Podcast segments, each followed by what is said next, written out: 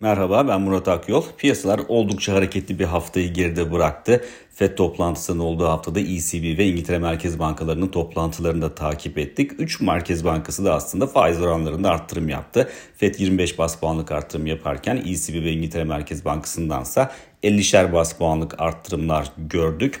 E, diğer taraftan e, istihdam rakamları açıklandı Amerika'da. Orada da piyasa beklentisine kıyasla son derece güçlü rakamlar vardı. 190 bin kişilik artış bekleniyordu tarım dışı istihdam rakamında. Ama e, 517 bin kişilik bir artış gördük ki ortalamalarında son dönem ortalamalarında belirgin şekilde üzerinde bir rakam bu. Bunun yanı sıra bir önceki ay 223 bin kişi olarak açıklanan artışta 260 bine revize edildi.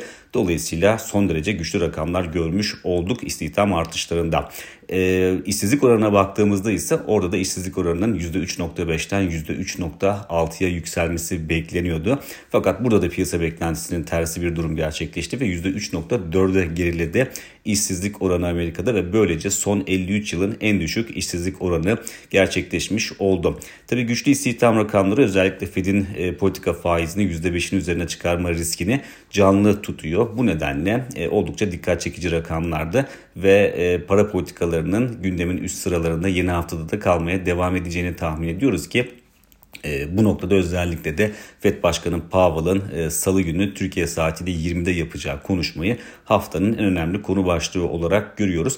Tabi Powell'ın e, bir önceki haftada e, söylediği sözlerden, e, söylemlerinden, FED toplantısı sonrasında verdiği mesajlardan çok farklı bir e, tablo çizmesi kolay görünmüyor ama yine de özellikle istihdam rakamları sonrasında oluşan havayı nasıl değerlendirdiğini, istihdam rakamlarının Fed'in kararlarına nasıl yansıyabileceğine yönelik olası söylemleri yakından takip edilecektir. İçeriye dönersek içeride de enflasyon rakamını takip ettik. E, Ocak ayı enflasyon rakamı %3.8 artış göstermesi bekleniyordu. Burada da beklentilerden çok daha güçlü bir rakam gördük.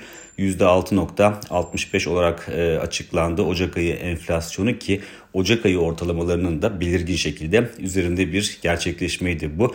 Böylece 12 e, aylık enflasyona baktığımızda güçlü vaz etkisinin desteği e, bu yüksek enflasyonun yıllık rakama yansımasını engelledi ve %64.27 seviyesinden %57.68 seviyesine gerileyen bir enflasyon gördük. Merkez Bankası'nın yıl sonu tahmini ise %22.3 seviyesinde bulunuyor ama piyasa beklentisi %40'lara oldukça yakın seyrediyor.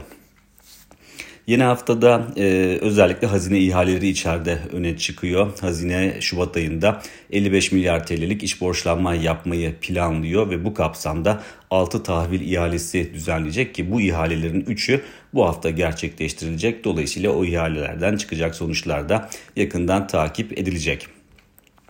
Borsa İstanbul'a baktığımızda ise Borsa İstanbul bir önceki hafta oldukça zayıf bir performans göstermişti ve %5'in üzerinde değer kaybetmişti. Zaten yurt dışı piyasalardan da negatif ayrışan e, bir endeks görmüştük.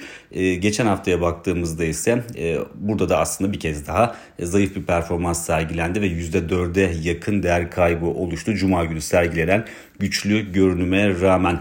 E, endeksin teknik görünümüne bakarsak özellikle 4700'ün üzerinde taban oluşturulması ve yukarı yönlü tepki verilmesi son derece pozitif. Bunun yanında 4915 puanın da aşılmış olmasının yeni haftaya giderken e, pozitif bir zemin oluşturduğunu düşünüyoruz.